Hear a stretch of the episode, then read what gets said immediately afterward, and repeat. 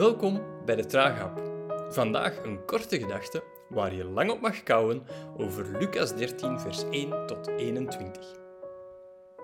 Enkele mensen komen bij Jezus met het verhaal dat Pilatus een aantal Galileërs in de tempel heeft laten ombrengen. Wellicht een vergeldingsmaatregel tegen oproer.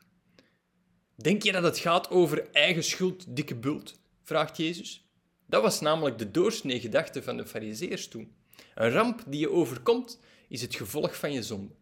Denk je nu echt dat zij zoveel erger waren dan de andere Galileërs? vraagt Jezus. Of toen de Siloam-toren bij de vijver in Jeruzalem instortte en 18 inwoners stierven.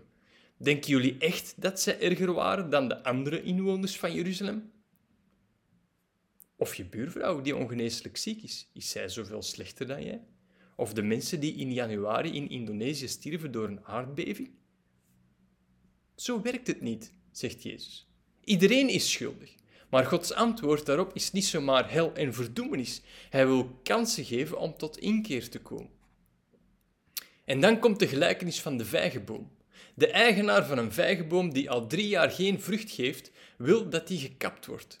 Logisch, want zo'n boom neemt plaats in en je kan er maar beter een andere zetten waar je wel profijt van hebt. Maar ja, er kunnen natuurlijk wel redenen zijn waarom die boom geen vrucht geeft. Misschien moet er meer bemest worden en komen er dan volgend jaar wel vruchten, stelt de tuinier voor. Hij pleit voor uitstel, voor genade. Jezus vertelt in, dit in het kader van het antwoord van de Joden op de prediking van Johannes de Doper en van hemzelf. Welk effect heeft dat op hen gehad? Hebben zij zich bekeerd? Jezus bepleit met deze gelijkenis uitstel en genade die zal echter niet blijven duren. Het toont ons iets over wie Jezus is, wie God is. Het antwoord op de schuld van de Galileërs of de inwoners van Jeruzalem is niet zomaar straf. En het antwoord op die vijgenboom die geen vrucht draagt, is niet zomaar dat die omgehakt wordt.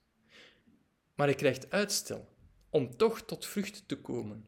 Het antwoord op schuld is genade. Maar dat neemt niet weg dat de dringende boodschap ook is om die genade aan te nemen en jezelf om te keren, je leven te veranderen, vrucht te dragen. Kou er maar verder op. Smakelijk.